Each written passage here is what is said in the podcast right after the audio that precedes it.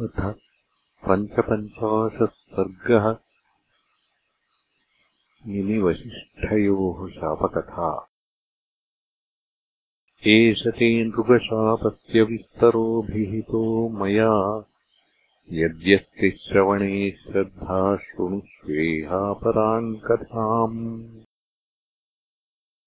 एवमुक्तस्तु रामेण सौमित्रिः पुनरब्रवीत् तृप्तिराश्चर्यभूतानाम् कथानाम् नास्ति मे नृप। लक्ष्मणेनैवमुक्तस्तु रामैक्ष्वाकुनन्दनः कथाम् परमधर्मिष्ठाम् व्याहर्तुम् उपचक्रमे। आसीद्राजानिमिर्नाम इक्ष्वाकूणाम् महात्मनाम् पुत्रो द्वादशमो वीद्ये धर्मे च परिनिष्ठितः स राजा वीर्यसम्पन्नः पुरम् देवपुरोपमम्। निवेशयामास तदा अभ्यासे गौतमस्य तु। पुरस्य सुकृतम् नाम वैजयन्तमिति श्रुतम्।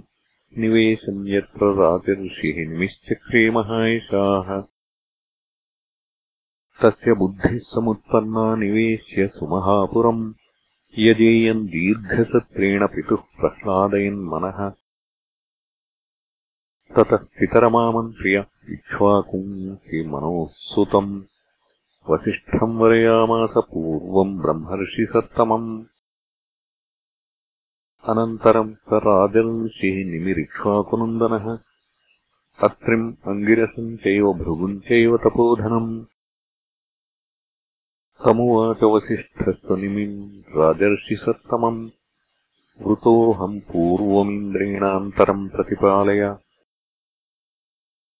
अनन्तरम् महाविप्रो गौतमः प्रत्यपूरयत्। वसिष्ठोऽपि महातेजा इन्द्रयज्ञम् अथाकरोत् निमिस्तु राजा विप्रांस्तान् समानीय नराधिपः। अयजद्धिमोत्पार्श्वे स्वपुरस्य समीपतः। पञ्चवर्षसहस्राणि राजा दीक्षाम् उपागमत्। इन्द्रयज्ञावसाने तु वसिष्ठो भगवान् ऋषिः सकाशम् आगतो राज्ञो हौत्रम् कर्तुम् अनिन्दितः तदन्तरम् अथापश्यत् गौतमेनाभिपूरितम्। कोपेन महताविष्टो वसिष्ठो ब्रह्मणः सुतः। स राज्ञो दर्शनाकाङ्क्षी मुहूर्तम् समुपाविशत्। तस्मिन्नहनिराजर्षिः निद्रयापहृतो भृशम्।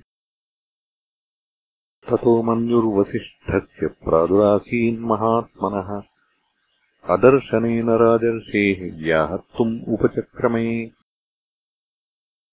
यस्मात् त्वमन्यम् वृतवान् माम् अवज्ञाय पार्थिव। चेतनेन विना भूतो देहस्तव भविष्यति। ततः प्रबुद्धो राजर्षिः श्रुत्वा शापम् उदाहृतम्। ब्रह्मयोनिम् अथोवाच संरम्भात् क्रोधमूर्च्छितः। अजानतः शयानस्य क्रोधेन कलुषीकृतः मुक्तवान् मयि शापाग्निम् यमदण्डमिवापरम्। तस्मात् तवापि ब्रह्मर्षे चेतनेन विनाकृतः देहः सुरुचिरप्रख्यो भविष्यति न संशयः। इति रोषवशादुभौ तदानीम् अन्योन्यम् शपितौ नृपद्विजेन्द्रौ सहसैव बभूवतुर्विदेहौ तत्तुल्याधिगतप्रभाववन्तौ। इत्यार्षे श्रीमद् रामायणे वाल्मीकीये आदिकाव्ये उत्तरकाण्डे पञ्चपञ्चाशत् सर्गः